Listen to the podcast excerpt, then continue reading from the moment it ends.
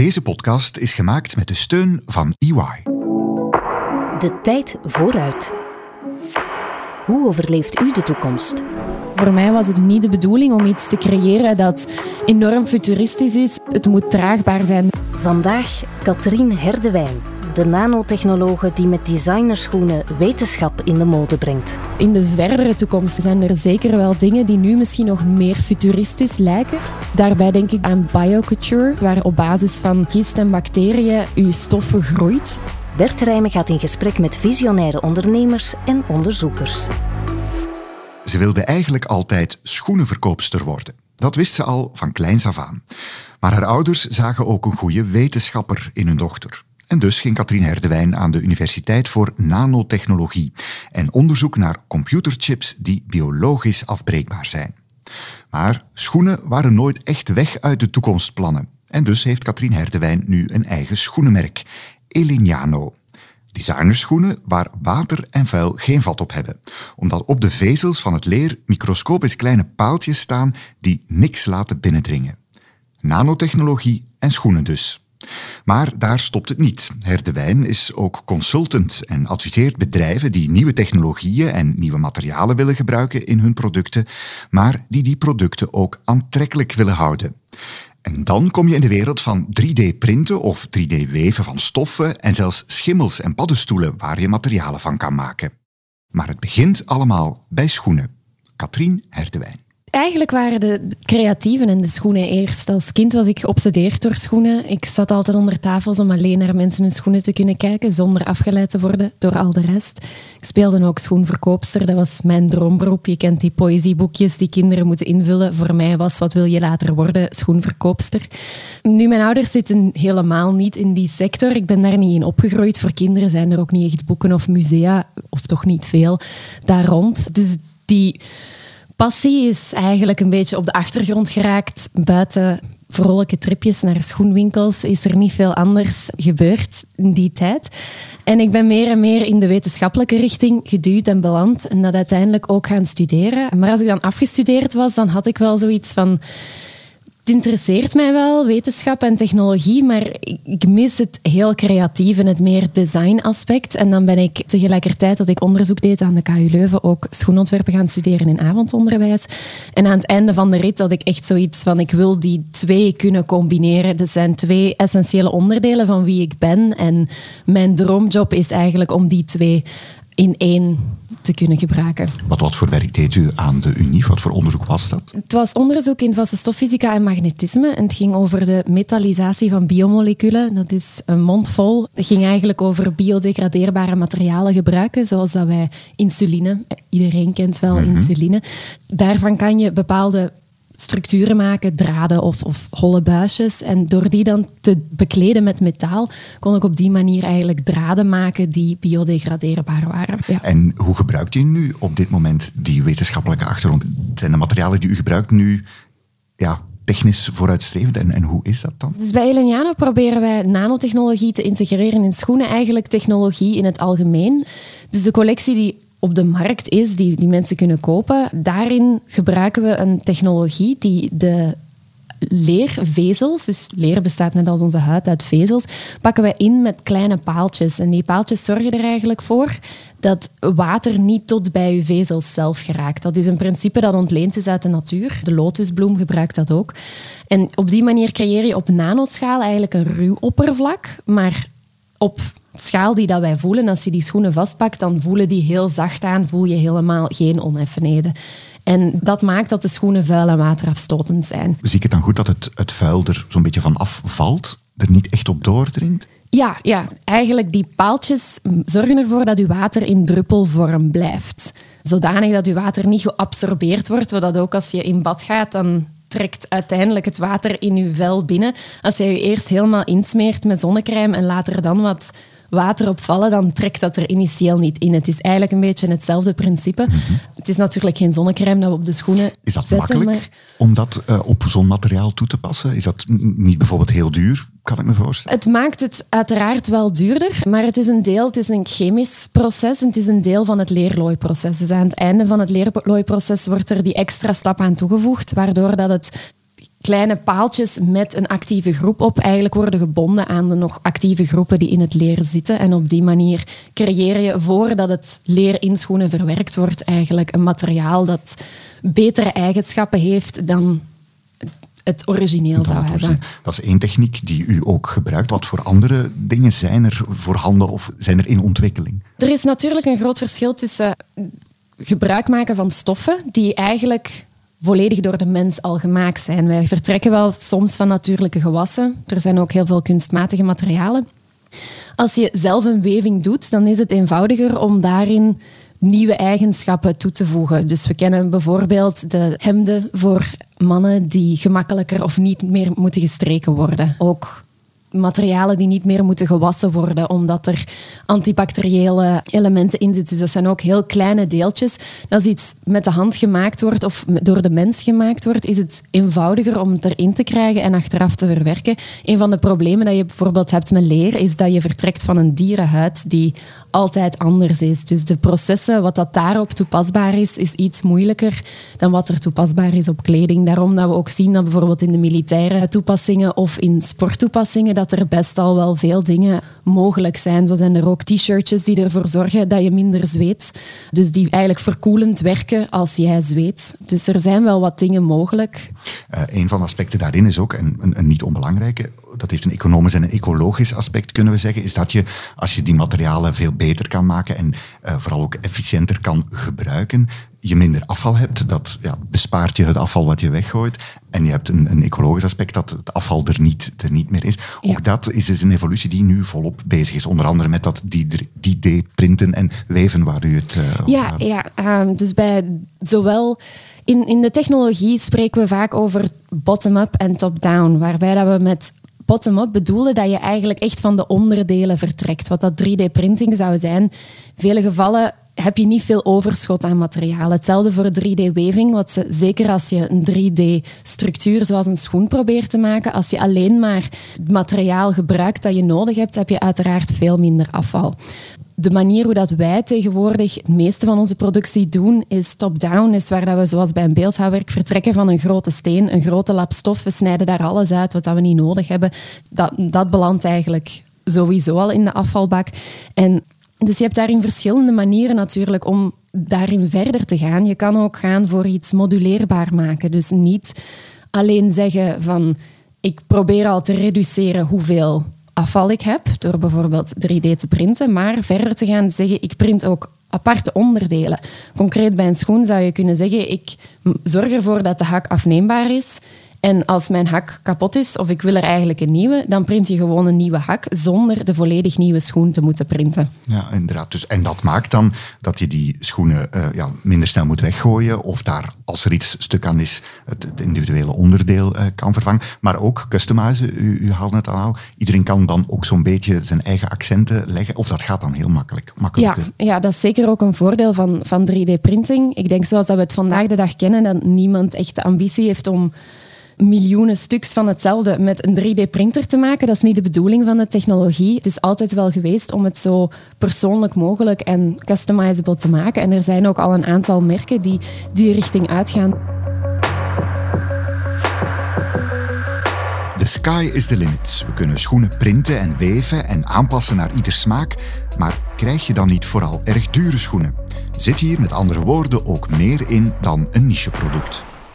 Het, is sowieso een moeilijk vraagstuk, omdat we natuurlijk de dag van vandaag gewoon zijn van heel veel voor geen geld te kunnen krijgen. In hoeverre dat, dat model houdbaar is, is een andere vraag natuurlijk. Zeker het model van fast fashion.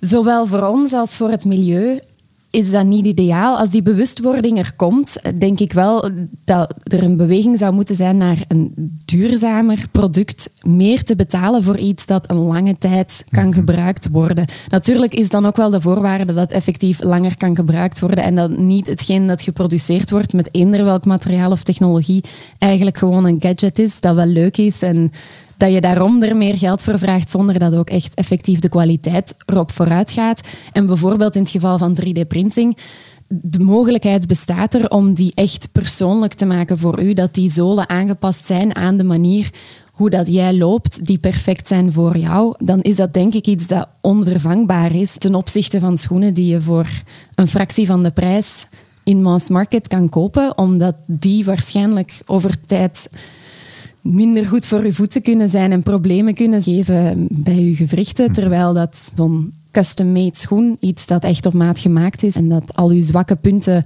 ondersteunt. Ja, het zijn eigenlijk twee ja, elementen of hoeken van, van die hele grote fashionmarkt, kan ik maar zeggen, waarbij je, uh, u beschrijft dat zeer goed, het bijna wegwerpkledij uh, hebt aan de ene kant en het duurzamere, langer te gebruiken uh, product, wat dan waarschijnlijk ook iets meer zal kosten, maar je ook veel langer mee, mee kan doen.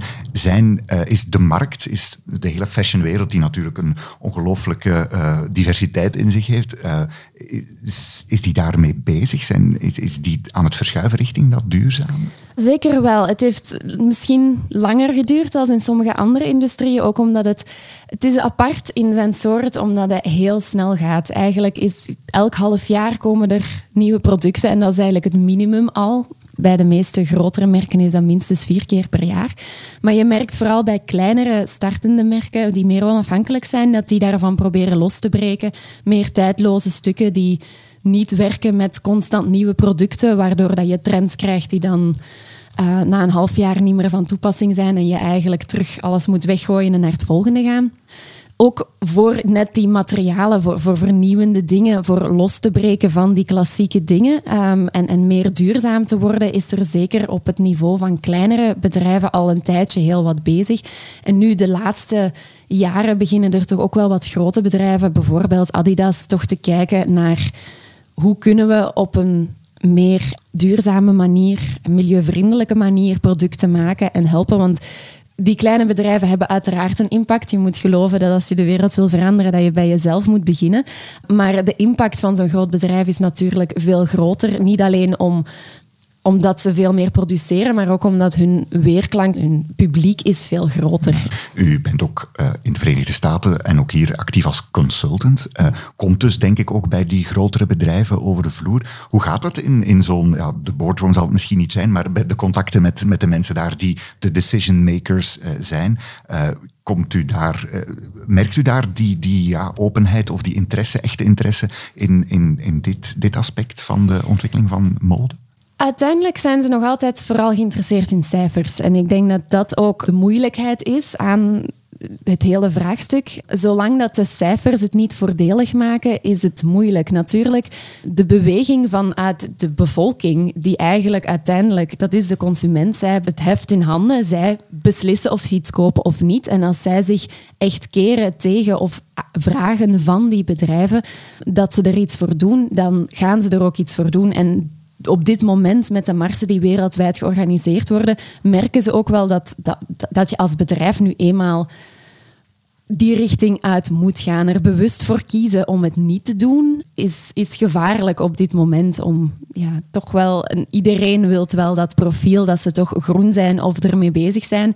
Sommigen gaan er rond om het dan toch nog een beetje meer greenwashing te maken en, en het meer voor de buitenwereld te doen lijken alsof ze groen zijn. Um, maar het is toch al een goede stap dat ze er op zijn minst mee bezig zijn. Iets dat twintig jaar geleden praktisch niet het geval was. Zijn uh, de merken aan de overkant van de oceaan in de VS daar zich meer bewust van meer mee bezig? Of misschien zijn zij zich meer bewust vooral van publieke opinie en, en hoe dat, dat speelt in Europa? Of, of merkt u aan de beide kanten ongeveer een, eenzelfde situatie? Europa is zeker qua regelgeving een voortrekker in veel van die dingen. Dus mhm. Maar anderzijds is het wel, ik kan niet over de VS in het algemeen spreken, maar zeker de San Francisco Bay Area, daar zijn ze er echt wel veel meer mee bezig. Daar beginnen ook heel veel van die trends qua gezondheidstrends en zowel qua voeding als andere dingen. Dus ik denk dat nu sowieso dat dat ook wel een gebied is dat een voortrekker is in die Silicon zaken. Valley, uh, dat uh, heeft een, een uh, wereldwijd inderdaad die, die, die motor zeg maar, van vernieuwing een beetje. Ja, ja. en daar, daar is het zeker, speelt het mee, meer dan bijvoorbeeld in Centraal-Amerika. Ligt ja. liggen ze daar minder wakker van. Het is nog meer gefocust op olie en van ja. die dingen. Is dat ook de reden waarom u daar vooral actief bent? Omdat u daar ook misschien ja, de andere trends goed kan kijken wat er allemaal gebeurt? ja, zeker omdat er daar gebeurt veel voor het eerst. Daar heb je heel veel dingen die getest worden. Veel van die dingen gaan waarschijnlijk het nooit maken tot in Europa, maar het is wel leuk om erin te zitten, omdat het eigenlijk een constante inspiratie geeft. Het is van uit, over heel de wereld een, een plaats waar dat iedereen naartoe komt die ideeën heeft, uh, hoe wild dat ze ook mogen zijn, en ja, probeert uit te werken. Straks meer de tijd vooruit, maar eerst een boodschap van onze partner EY. Hallo, ik ben Francesca van Tielen. Luister nu naar Inzicht. Er is ook veel meer sluikstort dan vroeger. Een podcast over ondernemers en de drive om hun bedrijf digitaal te transformeren. En dat is ook hetgeen wat je met je data analytics in kaart kan brengen. Hè? We gaan op zoek naar hoe het hun businessmodel en onze maatschappij fundamenteel kan veranderen. Als je juiste mensen hebt en goede ideeën, dan kan er eigenlijk eender wat ontstaan. Inzicht, een podcast van EY in samenwerking met Tijd Connect. Stad Gent moet proper zijn. Op je favoriete podcast-app. De tijd vooruit. Loopt het eigenlijk goed met uw schoenen? Hoe, hoe draait de boel? Uh, goed. Elk jaar beter nog altijd. Ik, ben, uh, ik heb tot nu toe eigenlijk altijd alleen vrouwenschoenen geproduceerd, maar ik eindelijk de stap ook gezet na veel vraag om mannenschoenen te beginnen maken. Dus die zouden nog in 2019 moeten uitkomen. Want uh, met uw activiteiten, consultancy enerzijds, de, het eigen merk en, en, de verkoop daar anderzijds, hoe ver wil je eigenlijk gaan met, met dat schoenenmerk? Moet dat in, in alle uh, continenten over de wereld of in alle hoofdsteden ergens te, te koop zijn? Of, of houdt u dat misschien bewuster wat kleiner? Ik hou het bewust kleiner. Sowieso heb ik altijd de bedoeling gehad van het bedrijf organisch te laten groeien. Dus niet met grote investeringen te werken om dan heel snel te kunnen groeien en te schalen. Enerzijds omdat het eigenlijk, het is voor mij een manier om te tonen wat er mogelijk is in die industrie. En het is een beetje gaat, een uitstalraam dan. Ja, het gaat meer over een, niet echt een, ja, wel een prototype ontwerpen en tonen dat je dat ook perfect in productie kan brengen op redelijke schaal. Het gaat niet over met de hand maken een tiental paar en dat kunnen verkopen. Het gaat over wel degelijk honderden paren tot duizend paar produceren en dat verkopen. Dus dat is schaalbaar naar groter als het moet. Maar dan eigenlijk meer nieuwe technologieën ontwikkelen dan wel investeren in die collecties over heel de wereld te kunnen verkopen. Dus voor mij gaat het meer daarover altijd. Nieuwe technologieën ontdekken, zien hoe toepasbaar dat die zijn. En dan, als ze effectief toepasbaar zijn, je kan er iets mhm. commercieel van maken om dan de grotere bedrijven eigenlijk te inspireren. En dat is ook waar dat die consulting er dan bij komt om voor hun de grote stap te maken. Het is niet mijn ambitie om een Louboutin te worden of een Adidas te worden. Die zijn er al. En ik denk dat eerder, ook de dag van vandaag, heel veel van die grote bedrijven net kijken naar start-ups voor ideeën en voor een manier te vinden om zich toch verschillend te maken. Ik kan me voorstellen, er zijn in, in heel de fashion ja, andere merken die, waarvan ik me kan voorstellen dat die ook wel geïnteresseerd zijn in dit soort ja, vernieuwing. Ja, ja, zeker. En het is vaak ze zijn geïnteresseerd, maar het is ook moeilijk voor hun om nog die switch te maken. Dus de toegevingen die je soms moet doen om het toepasbaar te maken, zoals in de mode, is het heel gewoon om iedere keer te veranderen van producent.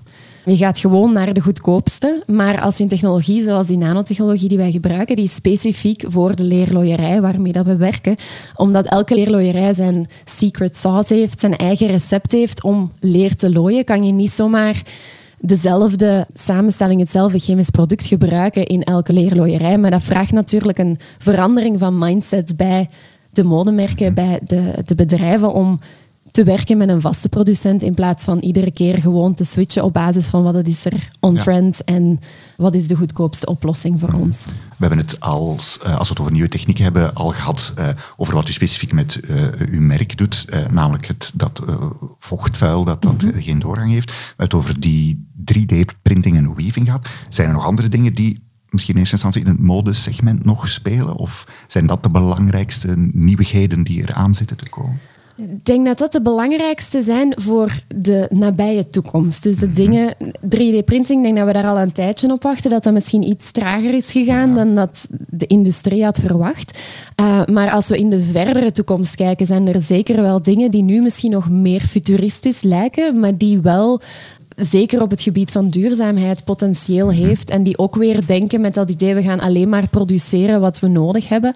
Daarbij denk ik bijvoorbeeld aan bioculture. Dus waar dat je op basis van uh, gist en bacteriën je stoffen groeit, die ook volledig biodegradeerbaar zijn en waar dat je eigenlijk kan al je patroon laten groeien in plaats gist, dat wil zeggen een soort uh, ja, gistingsreactie? Wat, wat, wat produceer je dan? Of wat maak je dan? Of wat heb je dan als stof? Het, het eindresultaat ziet er nu... Je doet dat uiteraard in water, dus het eindresultaat ziet eruit als iets heel slijmig. Maar uiteraard moet dat dan drogen en dan verdwijnt al dat water daaruit. En dan heb je meer zoiets tussen leer en perkament, wat het mhm. eindresultaat is. Dus op dit moment is dat natuurlijk niet heel aangenaam om te dragen. maar dat zijn. Alvast, dat zijn wel. Plastic was het eigenlijk ook niet. En ik denk toch dat we een manier hebben gevonden om bepaalde plastieken draagbaarder te maken. Denk aan crocs. Dus door het juiste design erin te brengen en de juiste toepassing te vinden, kan het wel mogelijk zijn. Verder in die lijn heb je ook schimmels eigenlijk. Dat noemen ze microstructuren. Dus op basis van paddenstoelen die je ook echt in een vorm kan laten groeien kan je ook schoenen maken. Er zijn zelfs mensen die daar Begrijp een ik dan goed dat je, hebben gegroeid. Dat je dan een, een schoen ja, een paddenstoel in een schoenvorm groeit? Is dat wat er uh, Ja, zoiets. Het is natuurlijk wel het, is het materiaal zelf dat je groeit. En daarin kan je dan een, een, vorm creëren die, die de vorm heeft van een schoen. dat is natuurlijk ook nog altijd wel meer museumstuk op dit moment in plaats van echt al draagbaar. Maar het idee is er wel. En in de VS heeft er ook al iemand effectief een gebouw mee neergezet of een toren mee neergezet. Dus hij heeft eigenlijk bakstenen gemaakt mhm. waarin dat een paddenstoel groeit. Ook wel van weer het juiste type dat eigenlijk hard en poreus is, zoals onze bakstenen zijn. En door die allemaal op elkaar te stapelen in een grote structuur, heeft hij een gebouw gecreëerd dat degradeerbaar is. Paddenstoelen, schoenen en huizen en gistingsprocessen om stoffen te produceren. Dat is de toekomst. Maar ook in de bouw zijn er een hoop nieuwe technieken ontwikkeld die de markt overhoop kunnen gooien. Katrien Herdewijn adviseert bedrijven hoe ze met hun nieuwe toptechnologie naar buiten kunnen komen. En daarin werk ik eigenlijk als de verbinding tussen een zeer technisch product dat ontwikkeld is door ingenieurs. In dit geval gaat het over het elektrochromisch glas. Dus dat is ook weer een mond vol, maar dat betekent glas dat kan veranderen van volledig doorzichtig naar opaak of, of zwart eigenlijk. Dat je er niet meer door kan kijken. zon en warmte op die manier kan buitenhouden. En het is een slim glas, dus dat glas weet eigenlijk wanneer het moet tinten. Je gebruikt elektriciteit om de tint te veranderen, mhm. maar met sensoren kan je weten wanneer dat, dat nodig is, wanneer de zon die dus al bestaat, wat, wat, is u, wat doet u daar aan mee? De technologie bestaat eigenlijk al twintig jaar, maar er zijn nieuwe spelers op de markt die die technologie serieus verbeterd hebben, die eigenlijk waar dat, zoals ik daarnet al zei, je hebt heel veel van die technologie die worden ontwikkeld, maar ze zijn eigenlijk wel klaar voor de consument, of sommige meer als andere, zoals bijvoorbeeld 3D-printing. Maar daarom vindt dat nog niet zijn ingang naar de grote markt, het grote publiek. En vaak is dat omdat er een aantal dingen mee nog aan schelen. En in deze technologie was bijvoorbeeld het geval dat het veel trager tinten, dus dat het 30 minuten duurde om te veranderen van kleur, terwijl het de nieuwe producten nog maar drie minuten over doen, wat dat het een significante verbetering is. Dus dat is eigenlijk een, een sterke evolutie die pas in de laatste jaren is gebeurd. En dat product moet verkocht worden natuurlijk aan mensen die helemaal niet zoveel boodschap hebben aan ionen die van de ene kant naar de andere kant bewegen. Die is gewoon een raam. Ja, inderdaad. Dus dat is eigenlijk een, voor heel veel bedrijven een moeilijke overgang. Hoe verkoop je iets heel technisch dat vooral draait om chemische processen en nummers aan een publiek dat daar helemaal niet in geïnteresseerd is en dat meer kijkt naar hoe dat het, de esthetiek van het product, het design, de, het gevoel dat het geeft. Wat zijn de voordelen daarvan voor mij, voor de mensen die erin moeten leven? Mm En het daarin... doet een beetje denken aan het verhaal van uh, Apple. Er bestond al heel lang een PC, maar toen de mensen van Apple daar eigenlijk ook een, een leuk, aangenaam ding om naar te kijken van maakten, toen pas ja, ging het heel hard met de verkoop van homecomputers, uh, zeg maar. Is dat wat u probeert? Uh, ja, natuurlijk niet op de schaal van Apple, maar het is wel inderdaad, ik, heb het altijd, ook als ik een eigen label startte, voor mij was het niet de bedoeling om iets te creëren dat enorm futuristisch is en, en dat toont eh, hoe, hoe geweldige ideeën je kan hebben, maar echt, het moet draagbaar zijn. De mensen, als je mensen wilt... Um, gevoelig maken en ervoor zorgen dat technologie echt een deel wordt van hun leven. En in een positieve zin, dat het de goede mhm. dingen zijn, dan moeten ze er ook iets van begrijpen of op zijn minst het willen en er voeling voor krijgen. En dat heeft Apple ook gedaan door een nog altijd doet door devices te ontwikkelen die heel intuïtief zijn. Dat een, een kind kan een, een baby kan een iPad gebruiken gewoon omdat ze het zo eenvoudig maken om het te gebruiken en om eigenlijk dat technische, dat ingenieurs, dat in dat kleine doelpubliek blijft, de meer prototypes, dat er een beetje spacey uitziet, om dat over te brengen naar het brede publiek, vind ik zelf een heel boeiende uh, Ja. overgang. En daarin... ehm ja, Bouwmaterialen dus, waarin u die rol Ja. probeert eh, eh, waar te maken. Nog andere aspecten? Nog, nog andere voorbeelden? Ik heb destijds ook gewerkt voor eh, augmented reality brillen. Dus die overgang naar iets heel spacey op je kop, naar iets dat iets mooier en gestileerder is om te dragen. Dus dat is Ook daarvan kan ik me voorstellen dat dat, eh, laten we zeggen, speciale vergaderingen zijn. Eh, als u daar komt zeggen hoe waarschijnlijk die dingen best moeten worden aangepast, zodat een consument daar beter, eh, ja, uiteindelijk makkelijker het gaat kopen, want dat is, eh, dat is dan de bedoeling. En dan de mensen die daar het ontwikkeld hebben, waarschijnlijk technisch perfect eh, hebben, hebben gemaakt, maar misschien een, een soort onding hebben wat je niet op je hoofd wil zetten. Enerzijds is er wel een spanning, maar anderzijds is het voor mij ook waarom ik daarin ben gestapt. Niet alleen omdat ik dat heel interessant vind, maar ook omdat ik wel een achtergrond heb in beide dingen. En het is voor heel veel mensen die eerder technisch zijn, dus degenen die het product hebben ontwikkeld, soms moeilijk om te communiceren met meer marketinggerichte personen of, of die meer gaan over hoe gaan we het hier mooi maken. Ehm, het, is belangrijk om beide aspecten te verstaan en ook te begrijpen wat technisch heel belangrijk is en dat op een goede manier te vertalen. Ehm, want een van de vele nachtmerries is van ingenieurs dat ze moeten zien hoe dat hun data wordt in een reclameboodschap gegoten en dat ze dan toch overal voelen van maar dat is niet exact juist en dat cijfertje is eigenlijk niet helemaal juist. Daar ontbreekt een punt, komma. Dus, dus eh, in, die, in dat opzicht, omdat ik die beide aspecten snap, enerzijds waar dat designers van vandaan komen, modeontwerpers, meer visueel gerichte mensen en anderzijds meer technische mensen, maakt dat het iets gemakkelijker is dan als je de twee gewoon apart in een ruimte zou zetten. dat principe of dat mechanisme wat, wat u beschrijft, dat is, is mijn aanvoelen wereldwijd, is, is die vooruitgang en de manier waarop technologie en vernieuwing en nieuwe technologie in alle aspecten van ons dagelijks leven steeds verder doordringt. Die snelheid is wel ongelooflijk eh, eh, ja, veel groter geworden. Misschien zelfs nog maar de laatste vijf, eh, vijf à tien jaar. Denk maar aan de smartphone en, en, en eh, dat alles. Ehm, zijn we aan een tijd toegekomen waarin verandering eh, ja, exponentieel veel sneller zal blijven gaan en al dat soort nieuwigheden qua materialen, qua wat we gebruiken? eh, of, of zitten we daar stilaan aan ja, een soort limiet van wat we aankunnen ook als mensen? Ik vrees met in de Verenigde Staten, in de Bay Area te zitten, dat het niet trager zal gaan. Want ze zijn over het algemeen nog eens voor op wat dat we hier doen en hebben.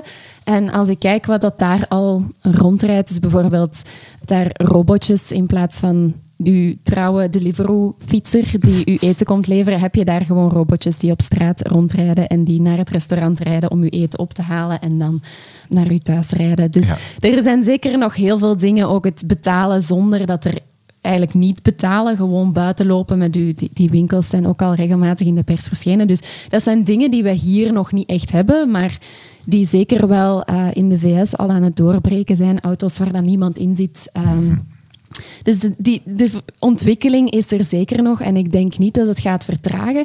Ehm, ik denk dat er anderzijds daar wel een belangrijke rol is voor de consument, omdat wij eigenlijk moeten aangeven hoe klaar we ervoor zijn. En ik denk dat dat altijd wel een beetje het ritme heeft bepaald. In zekere zin proberen bedrijven te pushen. Maar ik denk dat er ook toch heel wat voorbeelden zijn, zelfs van grote bedrijven. Denk maar aan Google Glass, waarin dat ze geprobeerd hebben om ons dat allemaal aan te praten en dat is niet gelukt. Dus dat het eigenlijk uiteindelijk nog de mensen zijn die tonen hoe klaar ze zijn voor een technologie. Ze gaan die blijven ontwikkelen. Sommigen gaan meer ethisch verantwoord zijn dan anderen. Dat gaat blijven bestaan, maar uiteindelijk denk ik wel dat de consument de, de touwtjes nog het meest in handen heeft. Katrien Herdewijn, bedankt. Beluister meer van De Tijd Vooruit op Spotify, Apple Podcasts of via tijd.be.